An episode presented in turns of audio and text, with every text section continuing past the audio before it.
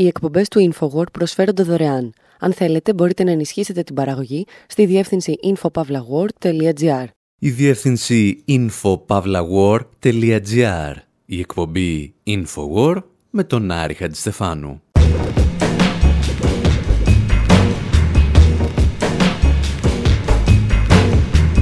όπου σήμερα ξεκινάμε μία ακόμη ραδιοφωνική σεζόν θέτοντας μερικά βασικά ερωτήματα.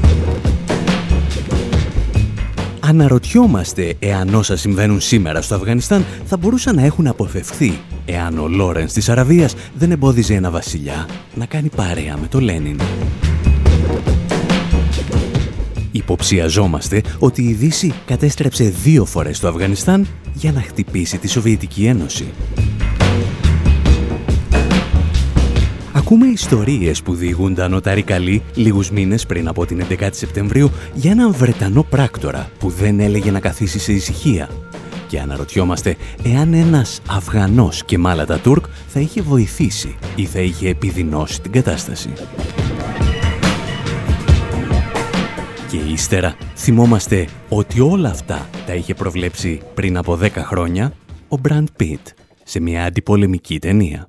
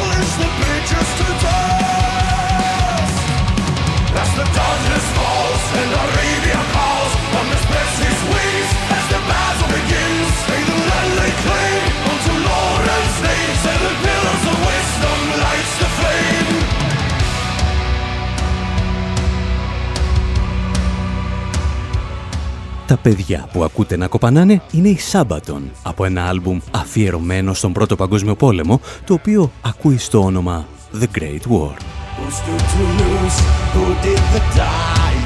Το συγκεκριμένο τραγούδι ονομάζεται Seven Pillars of Wisdom, Επτά στήλη της Σοφίας. Δανείζεται δηλαδή το όνομά του από το ομότιτλο βιβλίο του Thomas Edward Lawrence. Και αν δεν σας θυμίζει κάτι με την πρώτη το συγκεκριμένο όνομα, είναι γιατί οι περισσότεροι τον γνωρίζουμε απλώς σαν Λόρενς της Αραβίας.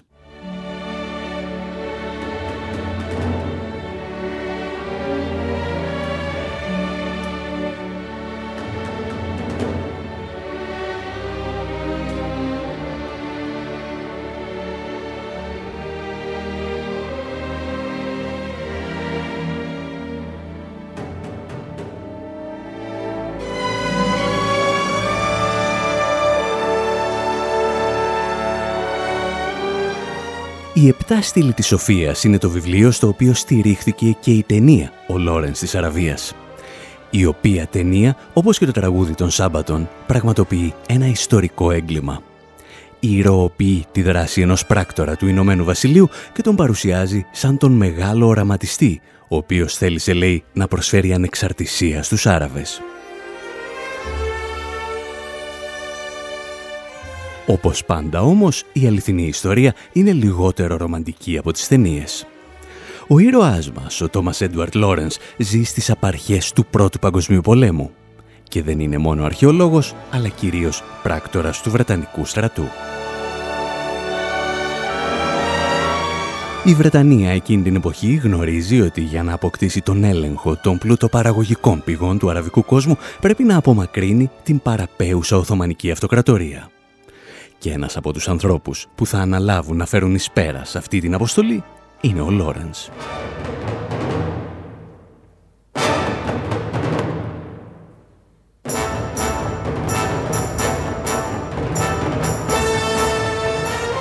Αυτά όμως είναι λίγο πολύ γνωστά και καταγεγραμμένα ακόμη και από την επίσημη Βρετανική ιστορία. Πολύ λιγότεροι γνωρίζουν όμως ότι μερικά χρόνια αργότερα ο Τόμας Έντουαρτ Λόρενς φέρεται να ανέλαβε και μία άλλη εξίσου σημαντική αποστολή. Να μην επιτρέψει στο Αφγανιστάν να μαγευτεί από το φως των Πολσεβίκων και της Σοβιετικής Ένωσης.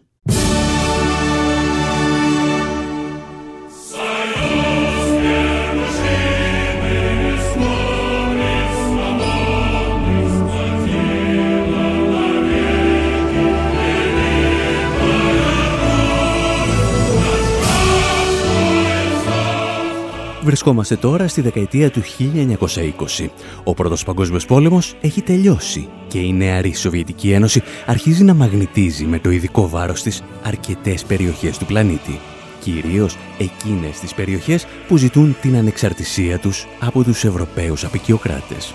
Εκείνη τη φορά και εκείνο τον καιρό λοιπόν, σε μια χώρα που ονομάζεται Αφγανιστάν, ζούσε ένας βασιλιάς που άκουγε στο όνομα Αμανουλάχ Χάν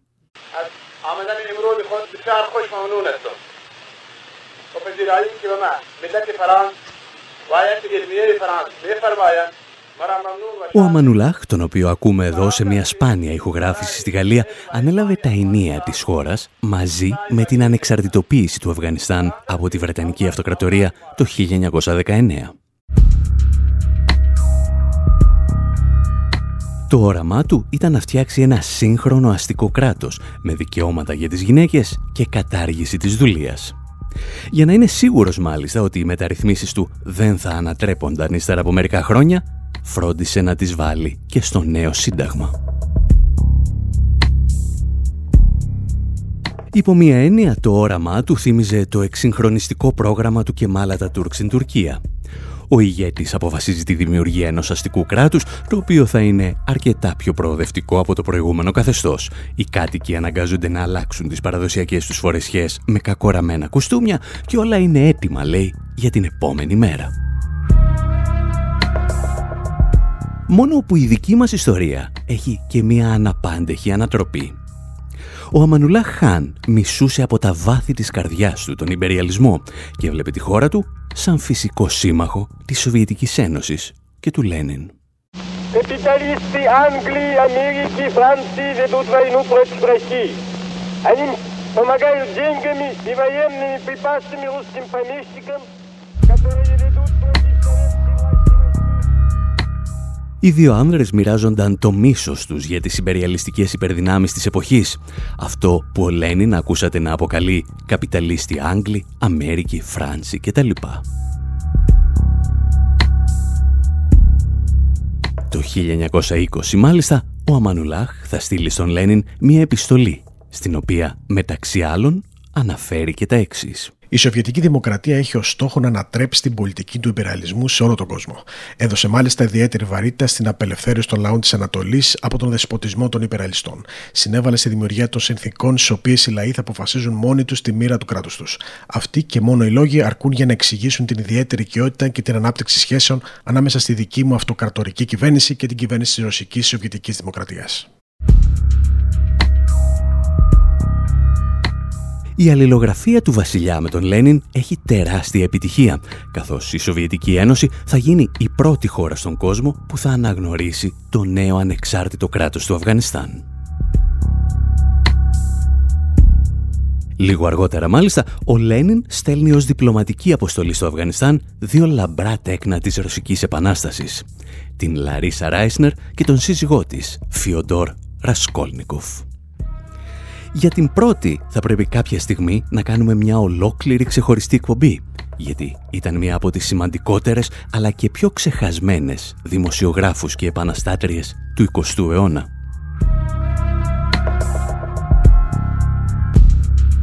Για τον Ρασκόλνικοφ, επί του παρόντος αρκεί να θυμάστε ότι πρωτοστάτησε στην περίφημη εξέγερση της Κροστάνδης, αλλά το 1939 έστειλε μία επιστολή στην οποία καταδίκαζε τον Στάλιν. Και το καθεστώς τον εκπαραθύρωσε. Κυριολεκτικά. Λίγες μέρες μετά την επιστολή έπεσε από ένα παράθυρο και σκοτώθηκε.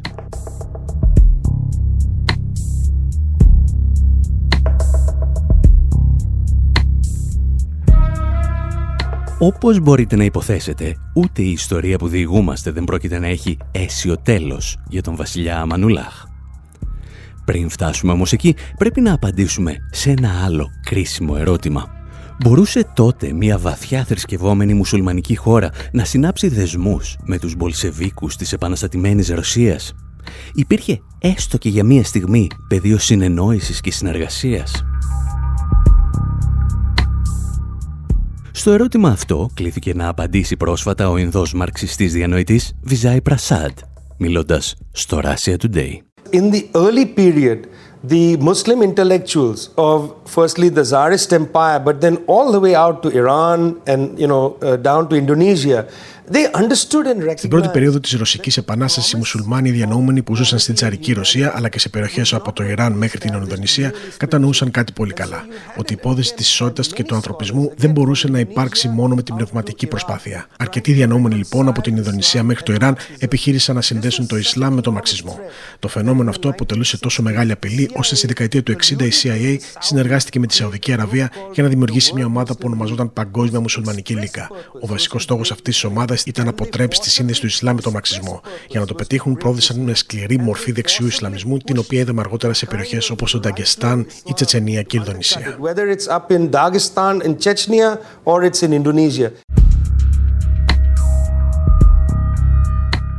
Μιλώντας για μια περιοχή που εκτείνεται από το Ιράν και το Ιράκ μέχρι την Ινδονησία, ο Πρασάντ συμπεριλαμβάνει φυσικά και το Αφγανιστάν. Μια χώρα στην οποία, όπως λέει, δεν φυτρώνουν μόνο δεξιοί Ισλαμιστές εξτρεμιστές.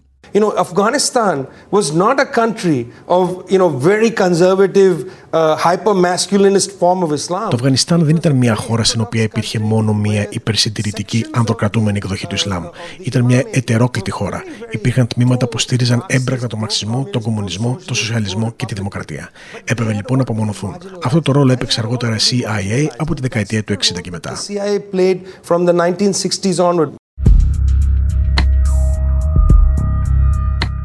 Πριν φτάσουμε όμως στο ρόλο που έπαιξε η CIA σε αυτό τον ιδεολογικό πόλεμο του Αφγανιστάν, πρέπει να κλείσουμε εκείνη την ιστορία με το βασιλιά.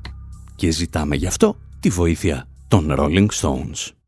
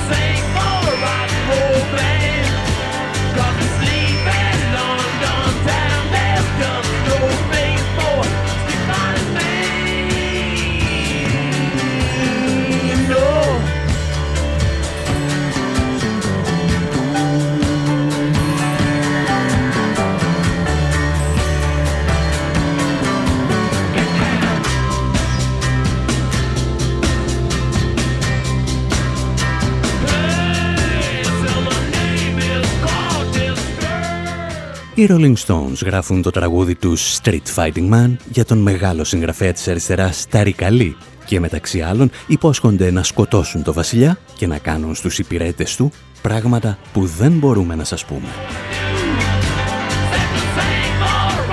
Και συμπτωματικά η δική μας ιστορία έχει αυτά ακριβώς τα δύο στοιχεία. Τον Ταρικαλή και μια επίθεση σε έναν βασιλιά. Πριν από 20 χρόνια, ο γνωστός συγγραφέας πακιστανικής καταγωγής παρουσίασε μία ξεχασμένη μέχρι τότε θεωρία για μία από τις πιο άγνωστες στιγμές στην πολυτάραχη ζωή του Λόρενς της Αραβίας. Όπως εξηγούσε, το 1926 η κάλυψη του Τόμας Έντουαρτ Λόρενς είχε πλέον καταστραφεί, καθώς ο ίδιος είχε υποπέσει στο απόλυτο αμάρτημα κάθε πράκτορα είχε εκδώσει μυθιστορήματα με τις περιπέτειές του.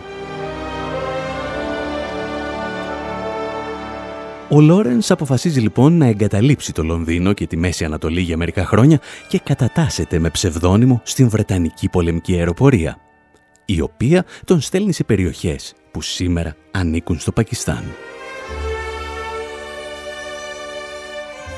Η ιστορία μέχρι εδώ είναι γνωστή και επιβεβαιώνεται από την προσωπική του αλληλογραφία, αλλά και από επίσημα έγγραφα του Βρετανικού κράτους. Για αρκετούς μήνες μετά όμως, τα ίχνη του χάνονται. Και τότε τα ιστορικά δεδομένα και ο μύθος αρχίζουν να αλληλοκαλύπτονται. Σύμφωνα με τον Ταρί Καλή, ο Λόρενς της Αραβίας συμμετείχε τότε σε μυστικές επιχειρήσεις προπαγάνδας για να αποσταθεροποιήσει τον βασιλιά Αμανουλά Χάν, ο οποίος φλέρταρε, όπως είπαμε, με τη Σοβιετική Ένωση. Μερικά χρόνια αργότερα μάλιστα, η εφημερίδα Πράβδα θα γράψει και τα εξής. Επίσημες αφγανικές πηγές επιβεβαιώνουν κατηγορηματικά τον ύποπτο ρόλο που έπαιξε ο λεγόμενος Βρετανός ειδικός σε θέματα Μέσης Ανατολής. Ο άνθρωπος αυτός πήγε για κάποιο λόγο στο Αφγανιστάν και το ταξίδι του τον έφερε στις περιοχές όπου σήμερα ελέγχονται από τους αντάρτες. Οι αντάρτες στους οποίους αναφερόταν η Πράβδα ήταν ομάδες τοπικών οπλαρχηγών, οι οποίοι τελικά ανέτρεψαν τον βασιλιά Αμανουλάχ. Ήταν λοιπόν ο Λόρενς της Αραβίας ο άνθρωπος που ανέτρεψε τον εξυγχρονιστή βασιλιά του Αφγανιστάν, ο οποίος ήθελε να συνεργαστεί με τη Σοβιετική Ένωση του Λένιν. Η αλήθεια είναι ότι ακόμη και ο ίδιος ο βασιλιάς δήλωνε άγνοια. «Έχω ακούσει πολλά για τις κινήσεις του Λόρενς», έλεγε, «αλλά δεν είχα ποτέ τη δυνατότητα να διερευνήσω τις καταγγελίες».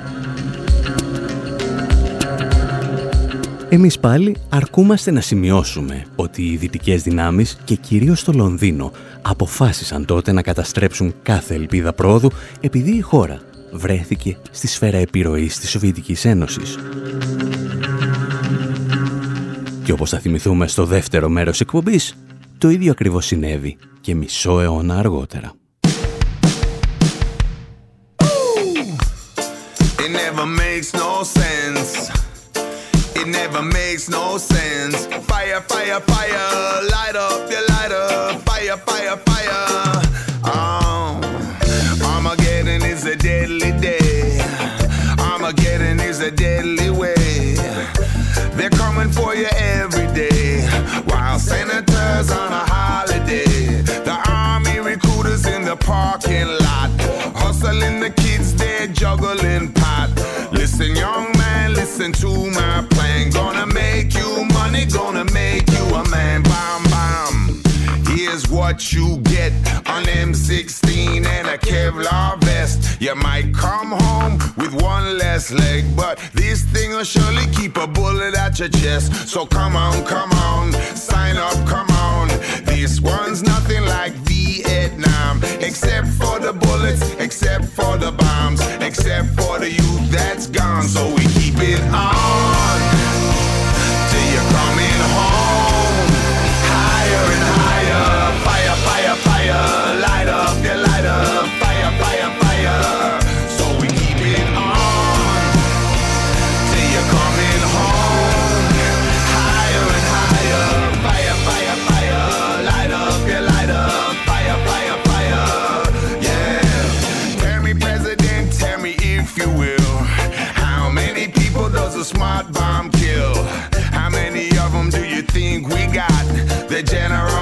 we never miss a shot. And we never, ever, ever keep a body count. We're killing so efficiently we can't keep count. In the Afghan hills, the rebels still fighting. Opium fields keep on providing the best heroin that money can buy. And nobody knows where Osama been hiding. The press conferences keep on lying like we don't know.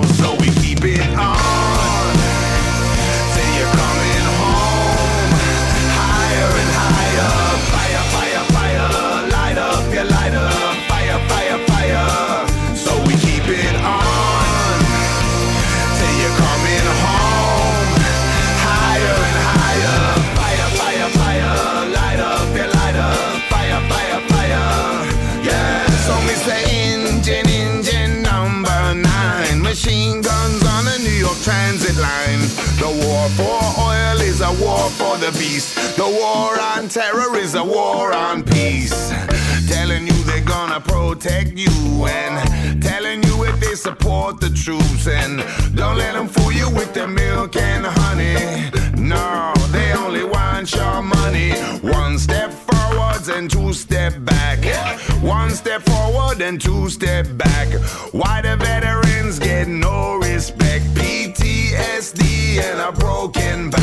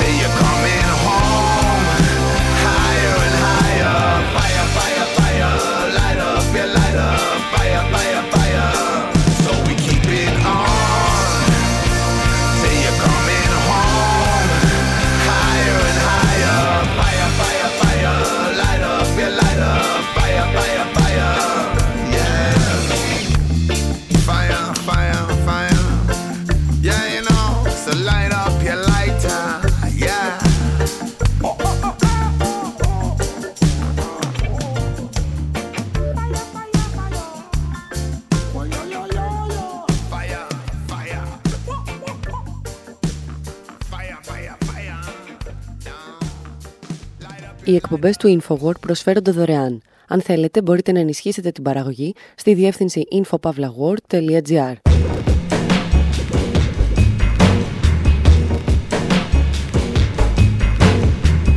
Εκπομπής Infowar, μέρος δεύτερο.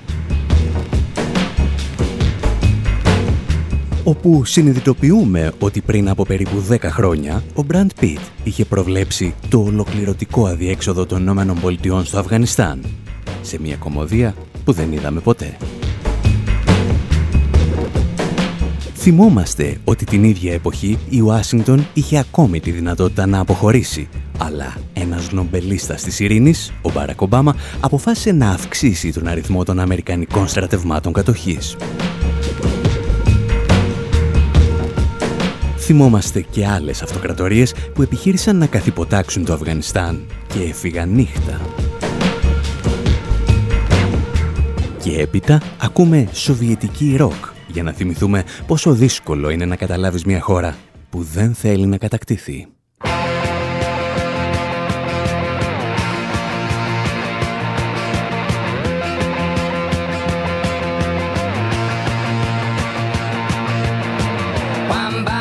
Passe, j'ai sur mon lit à bouffer sa langue en buvant mon whisky quant à moi, peu dormi, vie débris, mais j'ai dû dormir dans la gouttière où j'ai eu un flash. En quatre couleurs. Allez hop, un matin, une louloute est venue chez moi, poupée de cellophane, cheveux chinois, un sparadrap, une gueule de bois. A bu ma bière dans un grand verre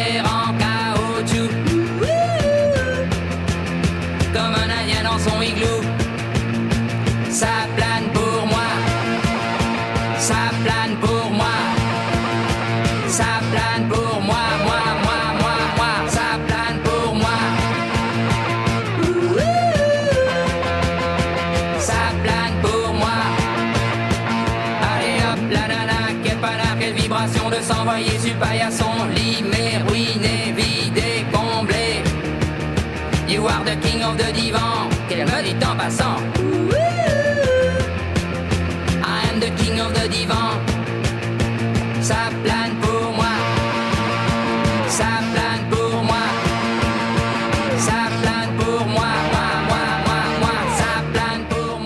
Το ημερολόγιό μας γράφει 1978 και ο Πλαστικ Μπερνάρ γράφει ίσως το μοναδικό τραγούδι που ξέρουμε γι' αυτόν. T'inquiète, touche pas ma planète.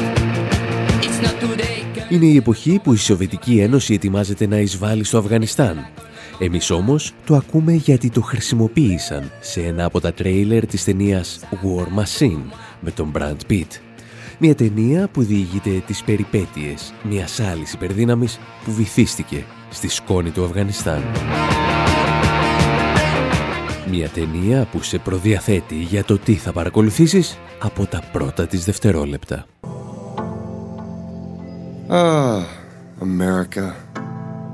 You beacon of composure and Αχ, Αμερική. Ισοφάρο της ηρεμίας και της ισοδύναμης αντίδρασης. Εσύ κοιμίζεις τη γαλήνη και την καλοσύνη στον κόσμο.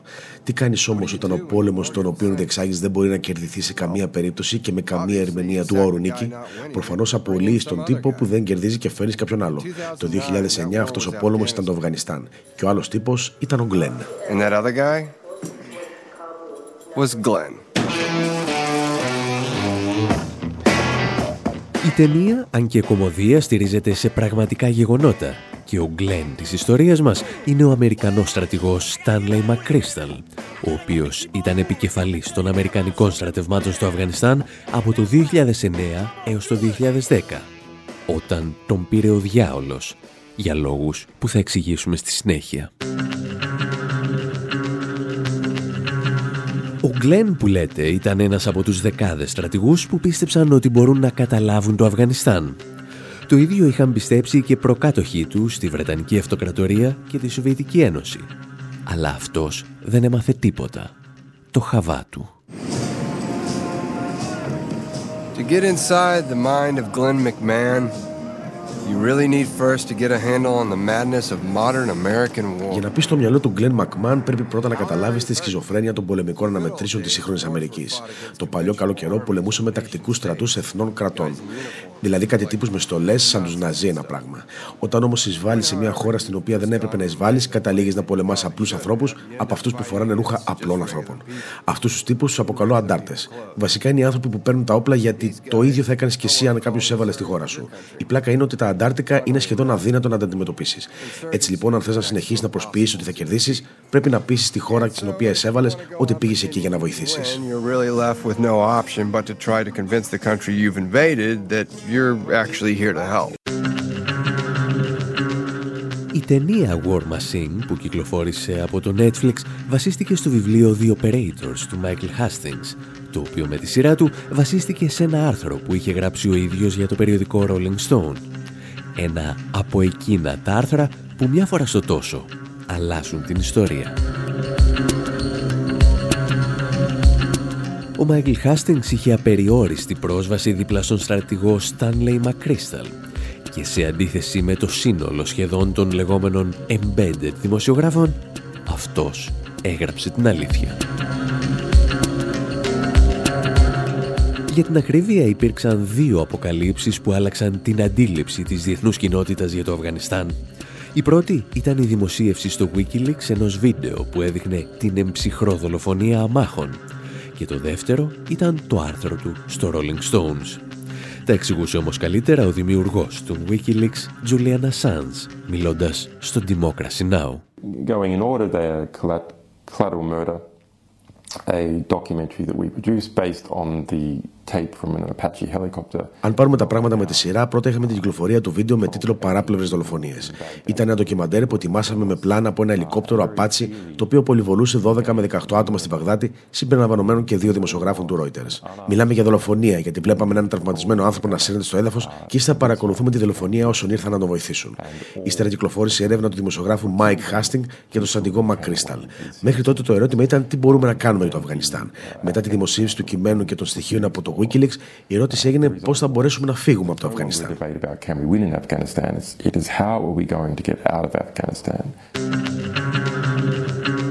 Στην ταινία War Machine δεν παρακολουθούμε απλώς τις μεγαλειώδεις ψευδεστήσεις ενός στρατηγού, αλλά όλο το οικοδόμημα που έστησαν οι Ηνωμένες Πολιτείες στη χώρα. Από τον πρόεδρο Μαριονέτα Χαμίντ Καρζάη μέχρι την παραγωγή ηρωίνης με τις ευλογίες των Ηνωμένων Πολιτειών. Heroin is the only thing bringing money into the area. Not that I like to think where the money's going to exactly, but η ηρωίνη είναι το μόνο προϊόν που φέρνει χρήματα στην περιοχή. Δεν θέλω βέβαια να στέκομαι που πηγαίνουν τα χρήματα από την ηρωίνη, αλλά φέρνει λεφτά και ο κόσμος είναι χαρούμενος, οπότε συνεχίζουμε έτσι. Θα μπορούσαν φυσικά να καλλιεργούν βαβάκι, αλλά το Αμερικανικό Κογκρέσο δεν επιτρέπει να επενδύονται κεφάλαια αρρωγής και ανάπτυξης σε καλλιέργειες που θα κυκλοφορήσουν στις διεθνείς αγορές και θα ανταγωνίζονται τα αμερικανικά προϊόντα. Έτσι αποκλείει το βαβάκι. Οπότε παράγουμε ηρωίνη. Sure. So we're growing heroin instead. Right. Ύστερα από την κυκλοφορία του άρθρου του Μάικλ Χάστινγκ, στο οποίο στηρίχθηκε όπως είδαμε η ταινία, ο πρόεδρος Ομπάμα θα καλέσει τον στρατηγό Μακρίσταλ στην Ουάσιγκτον και θα ζητήσει την παρέτησή του. Το πρόβλημα ήταν ότι δεν τον απομάκρυνε από τα καθήκοντά του για τις ανθρωποσφαγές, αλλά γιατί ο στρατηγός έβριζε τον πρόεδρο και τον αντιπρόεδρο των Ηνωμένων Πολιτειών. Γεγονός που μας οδηγεί σε ένα άλλο πιο σημαντικό ερώτημα. Τι δεν καταλαβαίνουν τόσες αυτοκρατορίες με το Αφγανιστάν και γιατί ξοδεύουν τόσα τρισεκατομμύρια εδώ και αιώνες για να καταλάβουν αυτή την περιοχή του πλανήτη; Για να απαντήσουμε θα χρειαστεί να ακούσουμε λίγη σοβιετική ροκ και μερικές κουβέντες που έλεγε παλιότερα ο Μακαρίτης, πρώην Σύμβουλος Εθνικής Ασφάλειας, Σμπίγνιου Μπρεζίνσκι.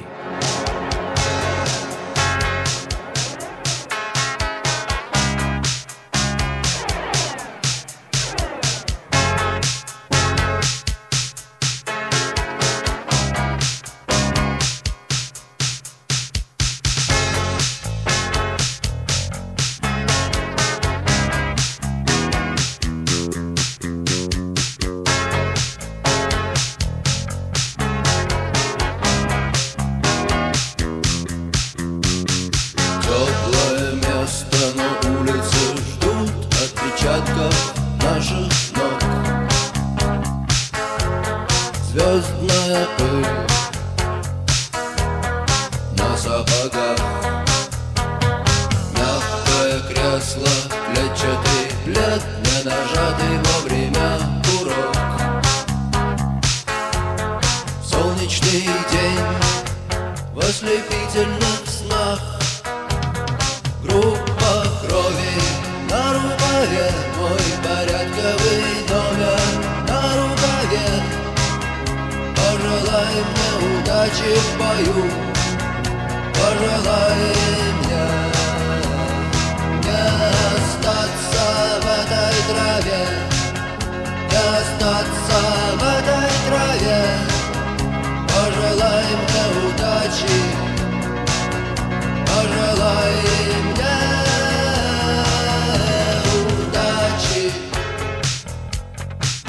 Εκείνο τραγουδούν το Blood Type, την ομάδα αίματος που είχαν γραμμένη στα μανίκια τους οι Σοβιετικοί στρατιώτες που πολεμούσαν στο Αφγανιστάν. Τραγουδούν για σκονισμένες μπότες που πρέπει να πατούν επιπτωμάτων. Ευχή σου μου, λένε εκείνο, καλή τύχη για τη μάχη. Ευχή σου μου να μην μείνω για πάντα στο γρασίδι αυτής της χώρας, γιατί το μόνο που θέλω είναι να είμαι μαζί σου. Εκείνο θα γράψουν το Blood Type όταν η Σοβιετική κοινωνία έχει φτάσει στα όρια της αντοχής της με τον πόλεμο στο Αφγανιστάν. Όπως είχε κατανοήσει πολύ νωρίτερα και η Βρετανική Αυτοκρατορία, αυτό το κομμάτι του πλανήτη δεν κατάφερε κανένας να το καταλάβει στρατιωτικά. Και έτσι, το πρωί της 4ης Ιανουαρίου του 1988, ο τότε Υπουργός Εξωτερικών της Σοβιετικής Ένωσης, Έντουαρντ Σεβαρντνάτζε, επιβιβάστηκε σε ένα αεροσκάφος και ταξίδεψε μέχρι το Αφγανιστάν. Εκεί όπου θα συναντούσε τον άνθρωπό του στην Καμπούλ, τον πρόεδρο Μοχάμετ Νατζιμπουλάχ. Για την ιστορία εκείνη η συνάντηση είχε διαφορετικά αποτελέσματα για τους δύο άνδρες. Μετά την πτώση της Σοβιετικής Ένωσης, ο Σεβαρτνάντζε έγινε πρόεδρος της Γεωργίας.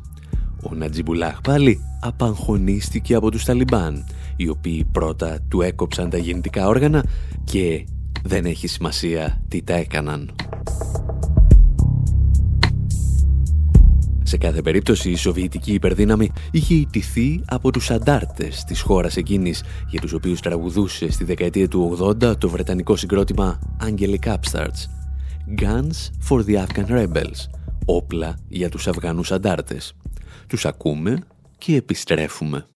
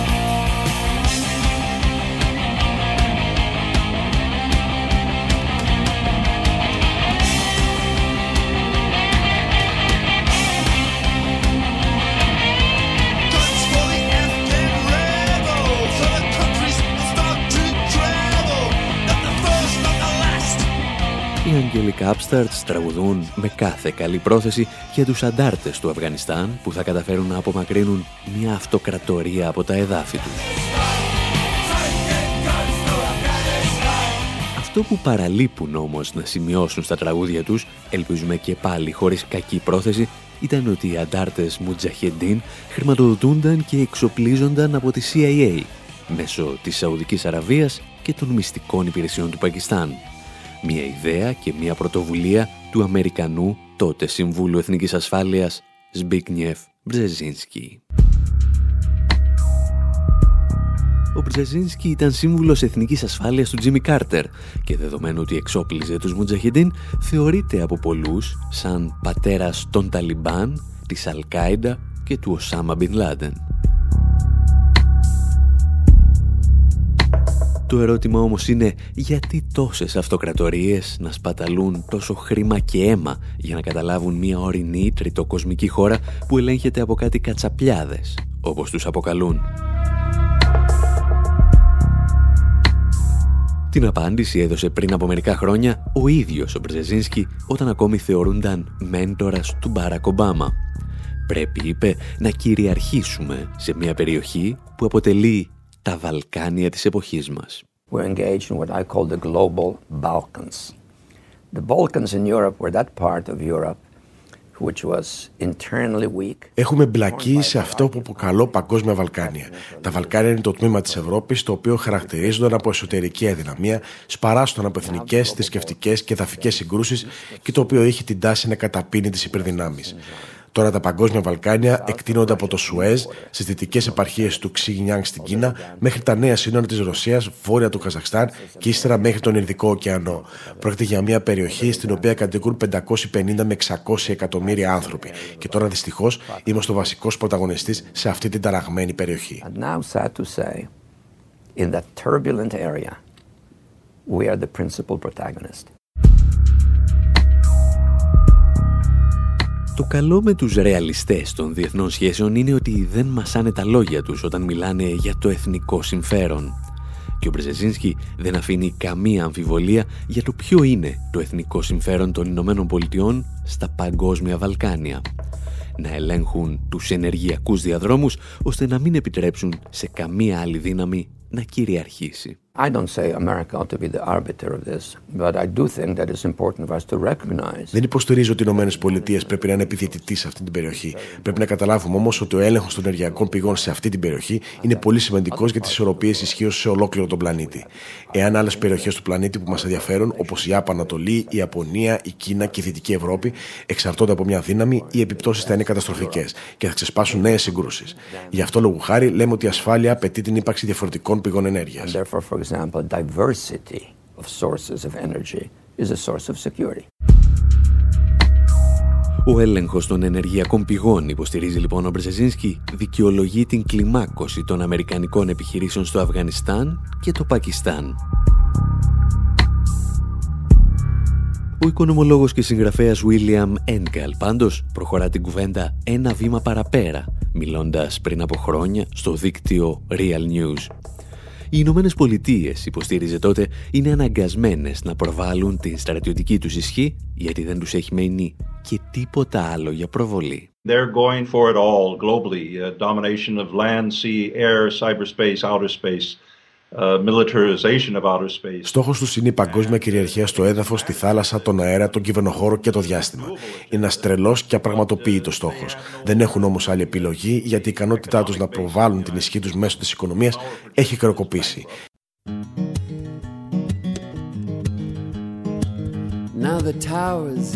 Και με τους James να πολεμούν για έναν από τους πολλούς πολέμους στο Αφγανιστάν, εμείς λέμε να σας αφήσουμε και για αυτή την εβδομάδα. Από τον Άρη Χατζηστεφάνου στο μικρόφωνο και τον Δημήτρη Σαθόπουλο στην τεχνική επιμέλεια, γεια σας και χαρά σας. Even worse than the fall There's this chain of consequences within